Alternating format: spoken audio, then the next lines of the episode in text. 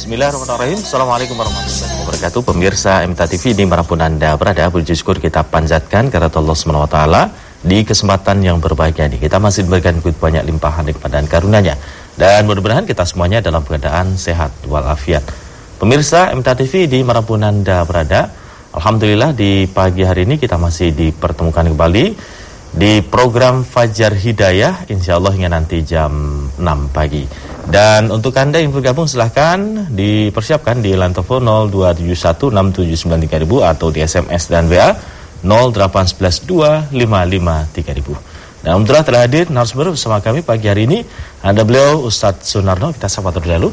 Assalamualaikum warahmatullahi wabarakatuh Ustadz. Waalaikumsalam warahmatullahi wabarakatuh. Kabar baik dan sehat ya? Alhamdulillah sehat, sehat Alhamdulillah ya. baik Ya, pemirsa MTA TV di mana pun Anda berada, tentu kembali kami ingatkan ya, yang bergabung silahkan dipersiapkan di lantai 0216793.000 atau di SMS dan WA 081125530. Dan untuk mukadimahnya terlebih dahulu kita akan dengarkan bersama paparan awal yang akan disampaikan oleh Ustaz Sunarno. Silakan Ustaz. Bismillahirrahmanirrahim. Assalamualaikum warahmatullahi wabarakatuh. Alhamdulillah wa syukurillah La hawla wa la quwata illa billah. Asyadu an la ilaha illallah wa la syarika lah. Wa asyadu anna muhammadan abduhu wa rasuluh. Allahumma salli wa sallim ala muhammadin Wa ala alihi wa sahabi ajmain amma ba'd. Saudaraku, pemirsa MTA TV dan pendengar di mana pun berada yang saya cintai, yang saya hormati. Alhamdulillah pagi ini kita dalam keadaan sehat walafiat dan bisa beraktivitas yang semoga diridhoi oleh Allah Subhanahu wa taala. Saudaraku, pagi ini kita akan berbicara tentang berita dari Allah mengenai tipuan-tipuan setan supaya kita sebagai manusia waspada. Jangan sampai terjebak oleh tipuan-tipuan setan. Saudaraku, Allah berfirman dalam surat Ibrahim ayat 22, A'udzu billahi minasyaitonir rajim. Wa qala syaitanu lamma qudiyal amru innallaha wa'adakum wa'adakum wa'dal haqq wa wa'adtukum fa wa ma kana li 'alaikum min sultan illa an ta'udukum fastajabtum li. Fala talumuni walumu anfusakum.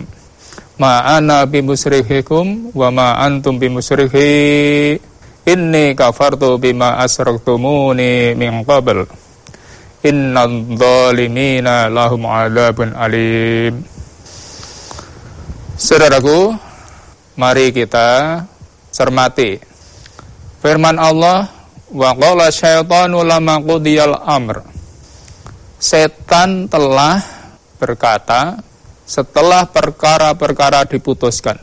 Qudiya itu bentuknya majul diputuskan. Pada hari berbangkit nanti, pada hari akhirat nanti, setan akan ceramah, menceramai para pengikutnya. Isinya ceramah, Innallaha wa'addakum wa'dal haq. Sesungguhnya Allah telah menjanjikan pada kalian manusia janji yang benar. Setan mengakui bahwa apa saja janji yang dijanjikan oleh Allah lantaran lesan Rasulnya Semuanya benar, tidak diragukan. Yang begini ini akan menambah penyesalan dari para pengikut-pengikut setan. Menambah kerugian di atas kerugian. Kekecewaan di atas kekecewaan. Maka yang begini ini kita diingatkan oleh Allah. Ini peristiwa ini belum terjadi. Bagi kita, kita yang di dunia ini. Namun Allah sudah ingatkan pada kita. Janji Allah pasti benar dalam rangka untuk mensejahterakan, memuliakan hambanya. Maka yang begini, mari kita kuatkan diri kita dalam berpegang teguh, mengamalkan apa yang diajarkan oleh Allah, karena janji Allah itu benar. Contoh umpamanya, dalam ayat lain Allah firmankan, Man amila solehan, siapa saja yang beramal soleh, min dzakarin au unsa, laki atau perempuan, walanah yuyannahu hayatan tayyibah. Sungguh kami akan memberikan penghidupan yang baik. Ini satu contoh. Maka penghidupan yang baik itu Allah janjikan bagi orang yang iman dan amal soleh. Maka mari kita mendambakan kehidupan-kehidupan yang baik. Jalannya Allah sudah gambarkan iman dan amal soleh. Janji-janji yang lewat Rasul, contoh umpamanya, sholat fajar sebelum subuh, pahalanya lebih baik daripada dunia seisinya. Itu janji. Dan itu benar. Nanti di hari kiamat setan akan mengatakan janji Allah itu benar semuanya. Termasuk janji-janji yang lain. Allah akan memberi membeli pada orang beriman hartanya, tenaganya dengan surga.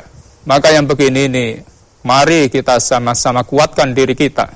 Jangan sampai kita kendor dalam mengamalkan apa yang dijanjikan oleh Allah Subhanahu wa taala.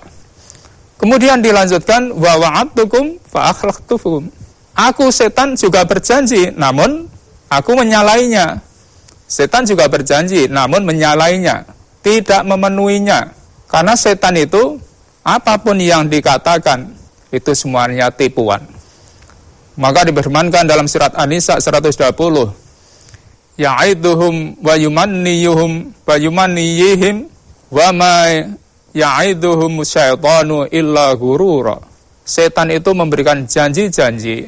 Wa'ada ya'idu itu memberikan janji-janji wayumannihim dan memberikan angan-angan kosong, membangkitkan angan-angan kosong. Itu setan. Dan apa pun yang dijanjikan setan itu illa gururo kecuali tipuan-tipuan.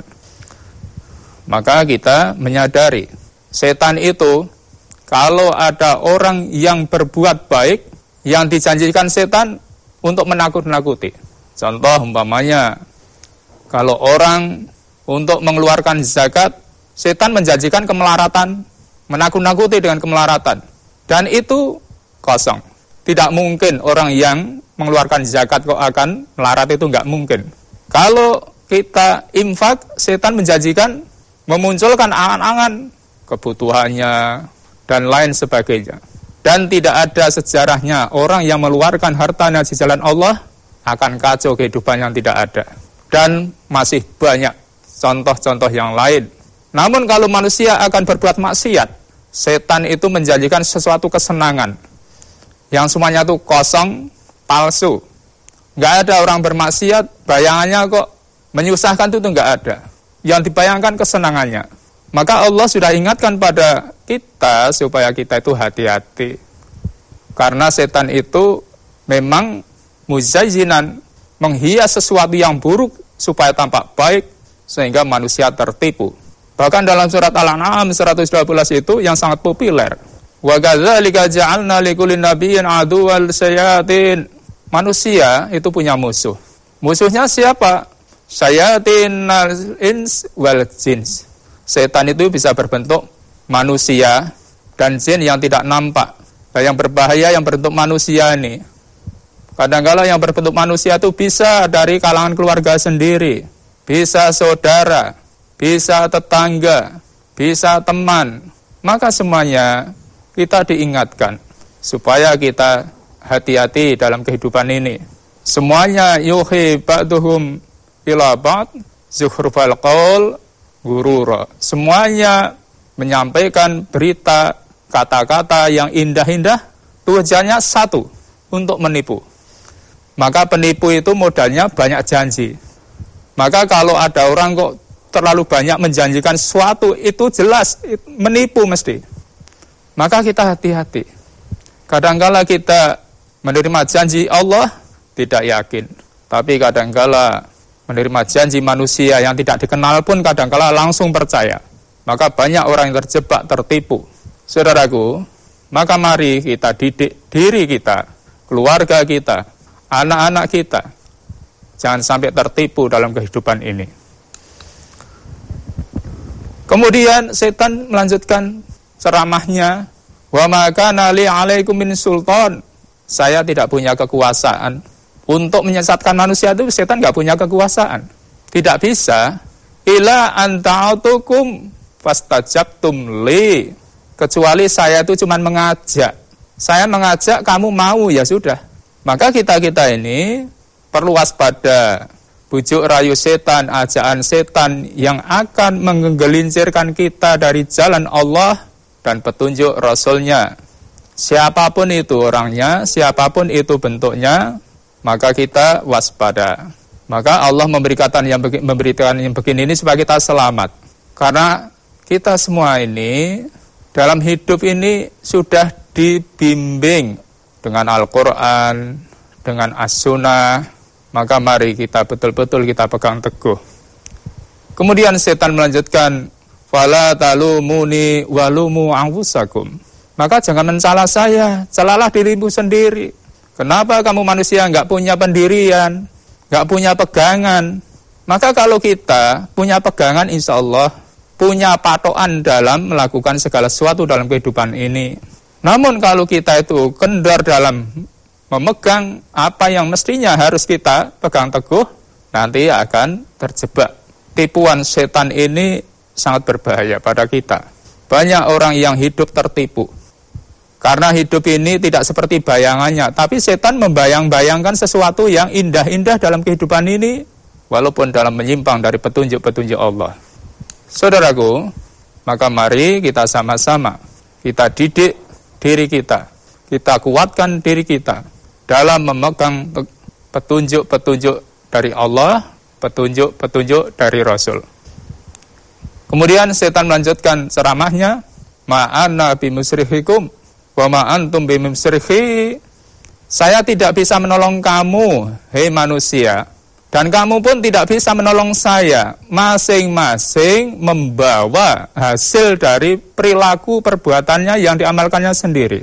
Maka setan itu cuma mencari teman, Setan itu mencari teman. Teman yang sebanyak-banyaknya untuk menamaninya di neraka nanti. Maka kita jangan mau dijadikan temannya setan.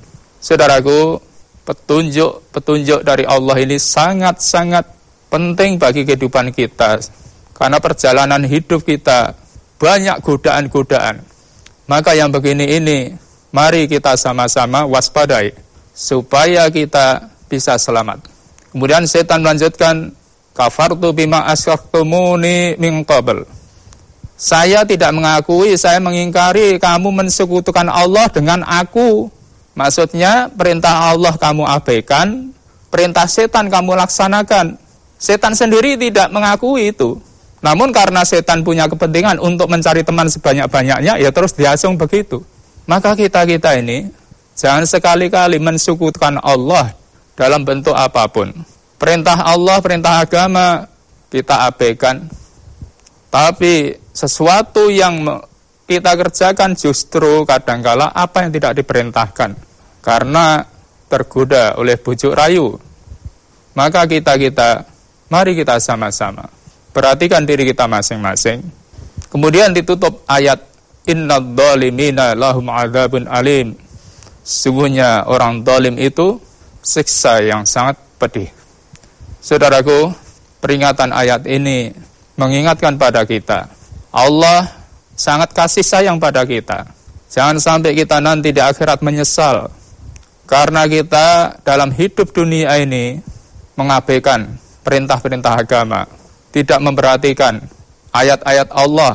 Maka dengan ayat ini mengingatkan pada kita, semoga betul-betul kita hati-hati dalam hidup.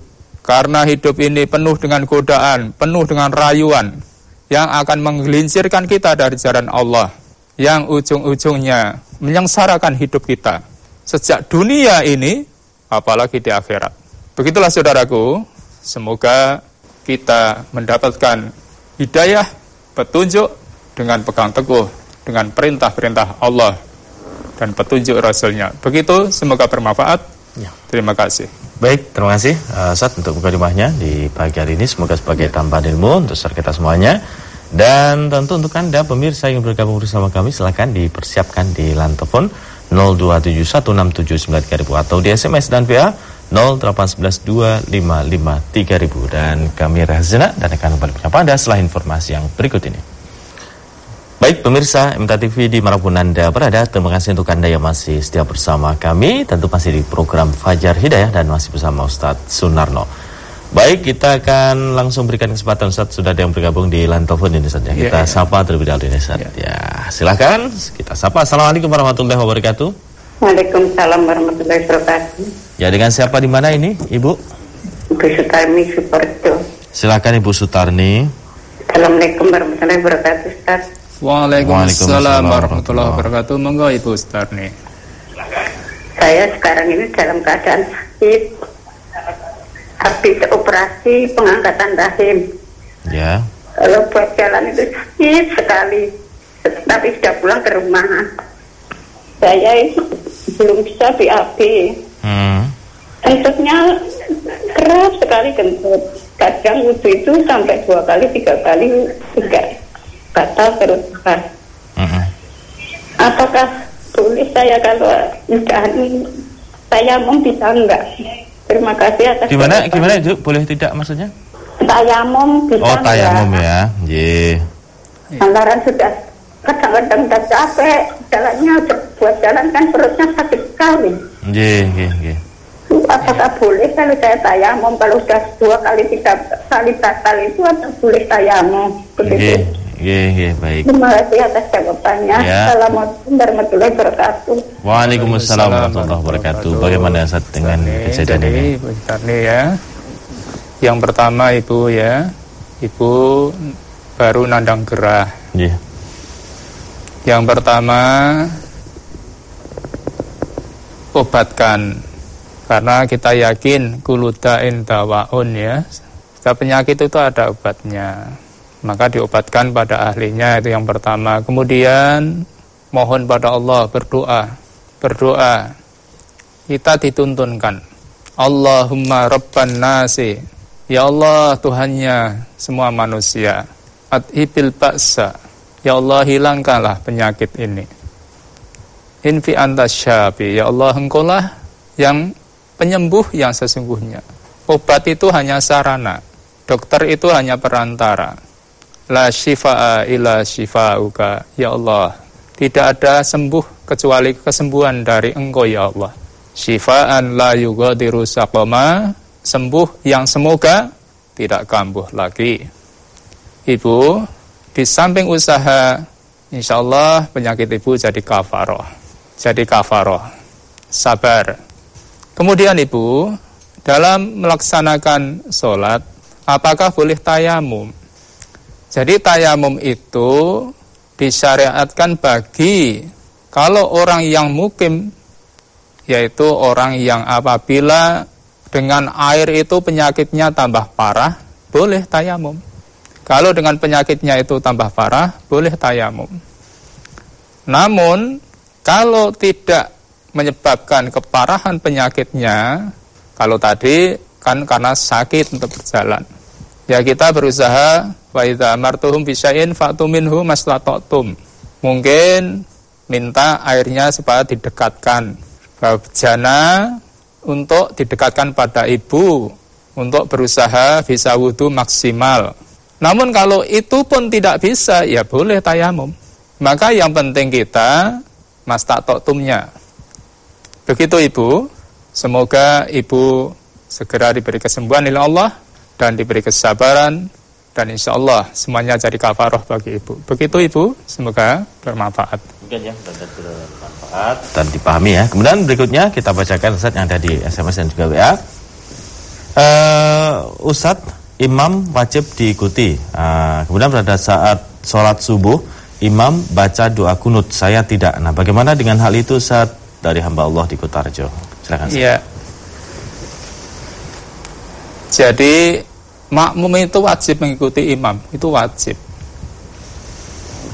Kemudian kalau imamnya kunut, makmumnya tidak kunut gimana? Ya kita larangannya itu mendahului imam. Larangannya mendahului imam itu ada larangannya. Lah apa nih? Ya tidak nih. Pokoknya tidak kunut. Karena mendahului dilarang, maka kita ya tidak kunut. Makanya kalau imamnya kunut, makmumnya tidak kunut.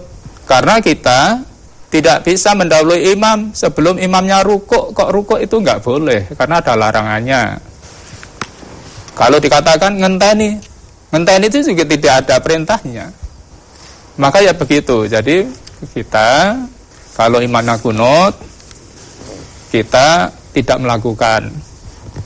Karena perintahnya makmum itu mengikuti imam. Dilarang untuk mendahului imam. Begitu semoga bisa dipahami. Ya Demikian ya, uh, mudah-mudahan dapat dipahami. Uh, kemudian berikutnya dari Pak Supriyono dari Batang, uh, mohon tausiahnya Ustadz supaya hajatnya atau keinginan cepat terkabul.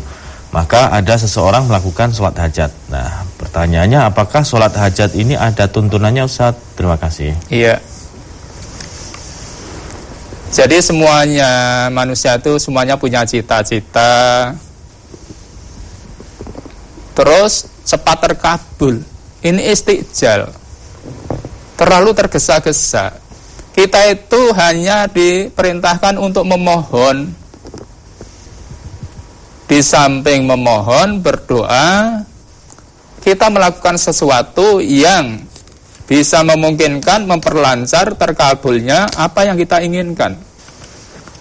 Kalau tadi terus sholat hajat, kalau kita ingin dikabulkan doa, Allah punya syarat. Maka kalau dalam surat Al-Baqarah 186 itu Allah firmankan di sana, "Wa idza sa'alaka ibadi" Kalau ada hambaku yang bertanya kepadamu Muhammad, ngani tentang aku, fa inni qarib. Aku itu dekat. Allah itu dekat. Ujibu da'watad da'i. Aku akan mengabulkan doanya orang yang berdoa. Doanya orang berdoa, Allah akan kabulkan. Itu percaya dulu, yakin dulu. Karena bagaimanapun kalau kita berdoa tidak yakin, Allah tidak akan mengabulkan. Itu janji Allah. Sebagaimana tadi kita uraikan di depan. Janji Allah kita harus yakin itu. Allah mengabulkan doa kita. Namun Allah punya syarat. Nah syarat ini yang harus kita tempuh. Faliyastajibuli itu syaratnya. Karena di sini didahului fa. Maka hendaklah mereka melaksanakan perintahku. Maka semakin taat, semakin dekat dan kita mau melaksanakan segala apa yang harusnya dilaksanakan. Maka kalimatnya faliyastajibulu dari kata istijab.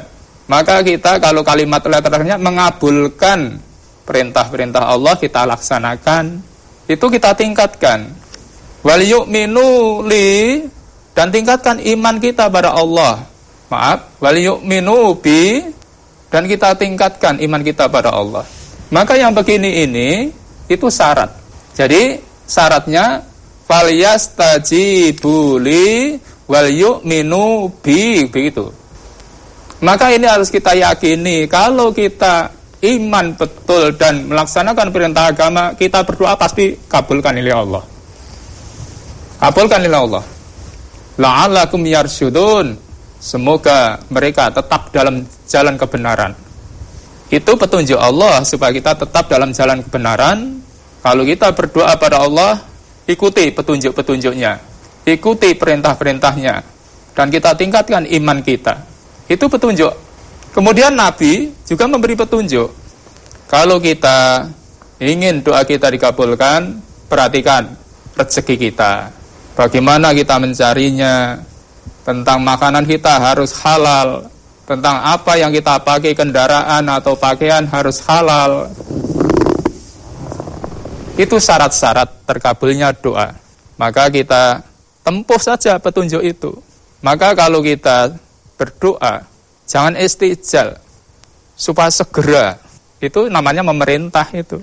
Maka petunjuk-petunjuk itu kita ikuti Ya semoga dengan kita mengikuti petunjuk Allah mengabulkan apa yang kita mohonkan pada Allah. Begitu, semoga bisa dipahami. Kemudian berikutnya kita bacakan lagi pertanyaannya dari Pak Hasan di Demak mau tanya Ustaz tentang doa ini. Uh, A'udzubika ayyato ayyatahobatoni saitono indal maut. Yang artinya aku berlindung dari apa yang disesatkan setan ketika kematian. Apa doa ini sahih? Ustaz mohon tausiahnya. Saya belum tahu ya. Jadi tentang doa itu saya belum tahu. Ya. Yang jelas kita ini diberi petunjuk oleh Allah. Maka kalau kita semoga akhir hayat kita diberikan husnul khotimah, akhir hayat yang baik, maka terus mari kita istiqomah dalam melaksanakan petunjuk-petunjuknya. Jadi kalau kita, semuanya kita akan mati. Cuman kita memohon kepada Allah, semoga penutup akhir hidup kita adalah akhir yang baik. Maka itu, ya mari kita ikuti petunjuk-petunjuk Allah dengan istiqomah. Kita kuatkan hati kita. Kita kuatkan pendirian kita. Jangan sampai kita tertipu oleh bujuk rayu setan. Begitu semoga bisa dipahami. Ya, demikian ya. Kemudian berikutnya kita sapa yang ada di telepon, ada yang bergabung. Assalamualaikum warahmatullahi wabarakatuh. Waalaikumsalam warahmatullahi wabarakatuh. Ya, dengan siapa di mana ini, Bapak? Dengan siapa di mana ini, Bapak? Di Palembang, nih, Pak Hadi. Pak siapa? Di Palembang, nih, Pak Hadi. Pak siapa? Pak Hadi. Pak Hadi, silakan Pak Hadi. Assalamualaikum warahmatullahi wabarakatuh Ustaz. Waalaikumsalam warahmatullahi wabarakatuh. Monggo Pak Adi Palembang. Iya monggo.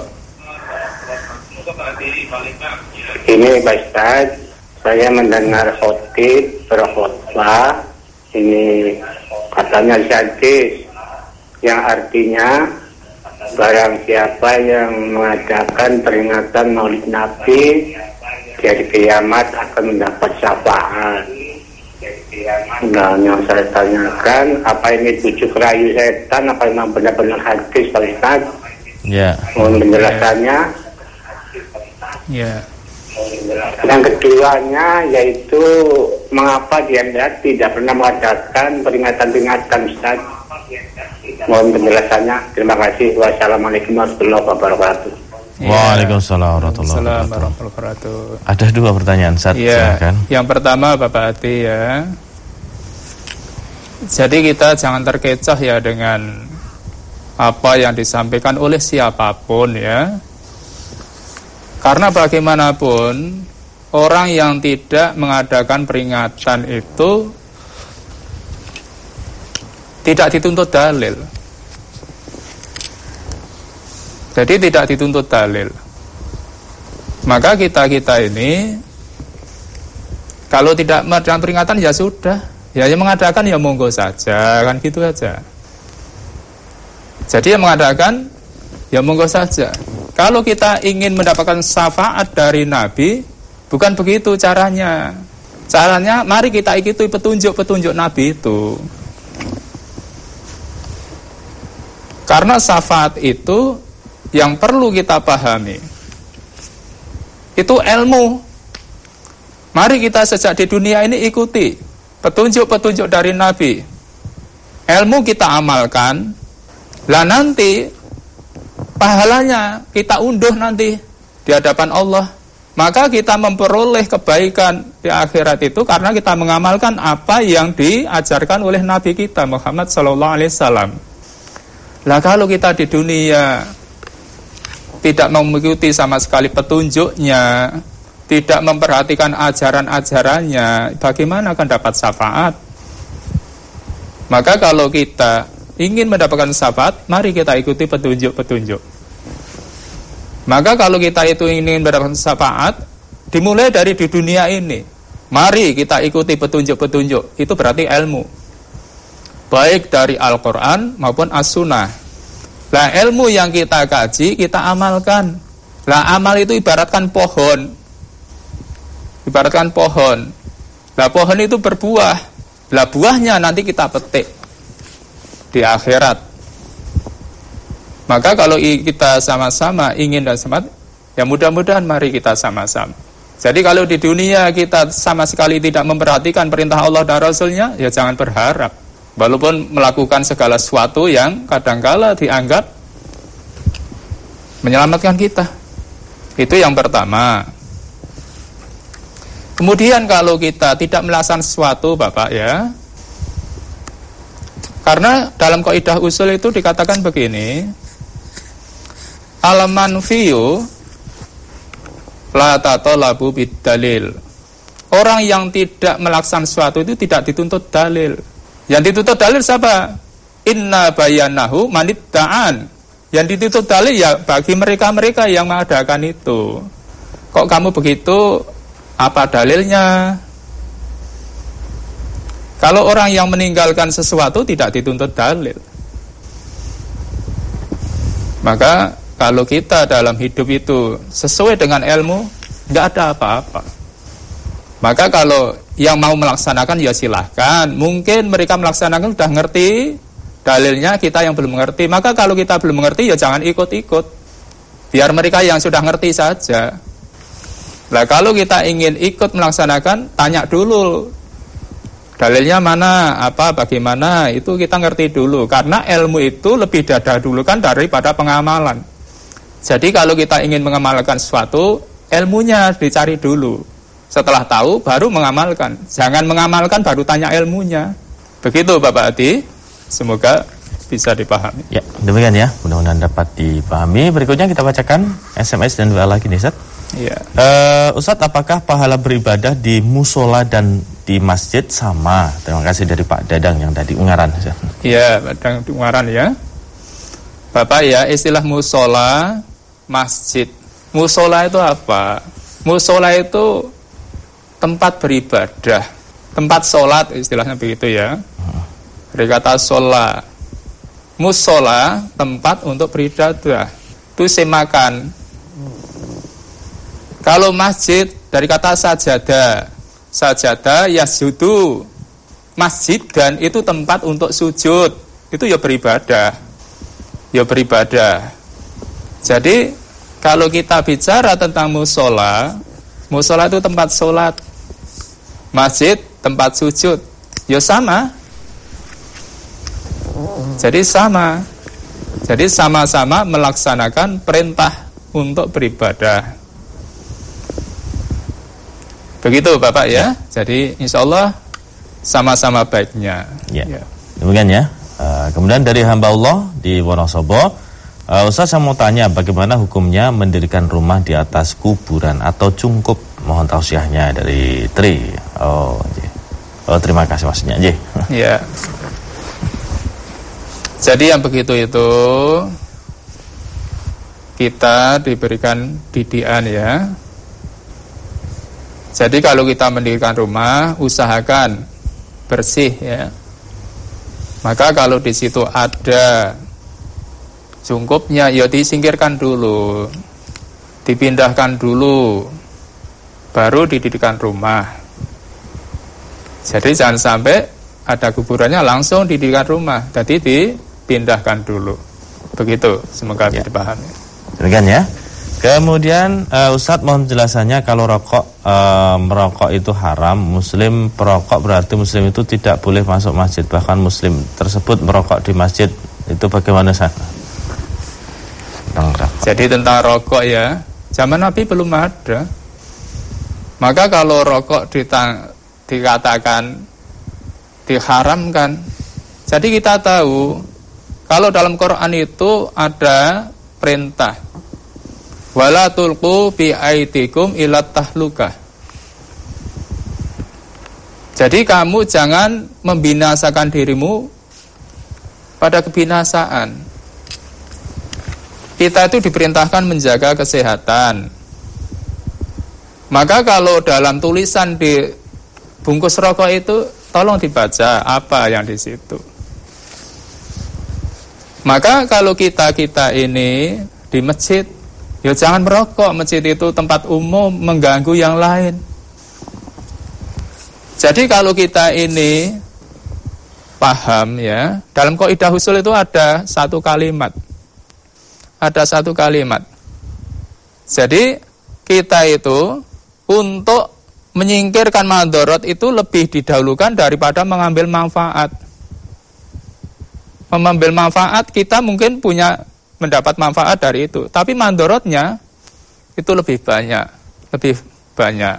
Maka kaidah usulnya tarul mafsadah aula min jalbi manafik begitu kalimatnya.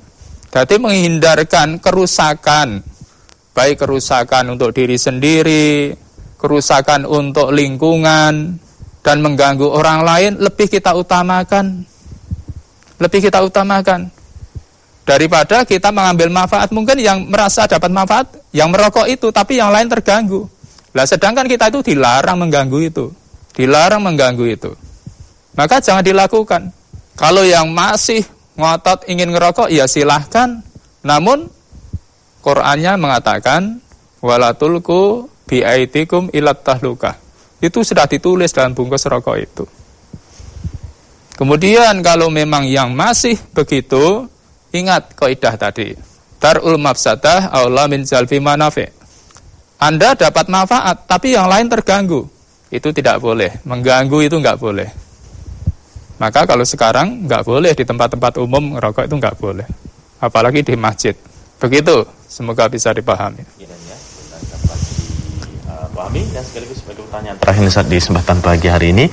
Uh, terima kasih kebersamanya pagi hari ini semoga bermanfaat ilmunya dan insya Allah kita lanjutkan di pertemuan pekan depan Insya Allah. Insya Allah kita semuanya. Ya. Baik pemirsa MTA TV di mana pun Anda berada, akhirnya Anda sampai di sini keseruan kita untuk program Fajar Hidayah. Dan insya Allah kita akan lanjutkan di pertemuan berikutnya. Akhirnya kami undur diri. Terima kasih bersamanya. Bermaaf atas segala kekurangan. Subhanakallahumma wa bihamdika. Asyadu an la ilaha illa anta. Astaghfirullah wa atubu Bila taufiq wal hidayah. Wassalamualaikum warahmatullahi wabarakatuh.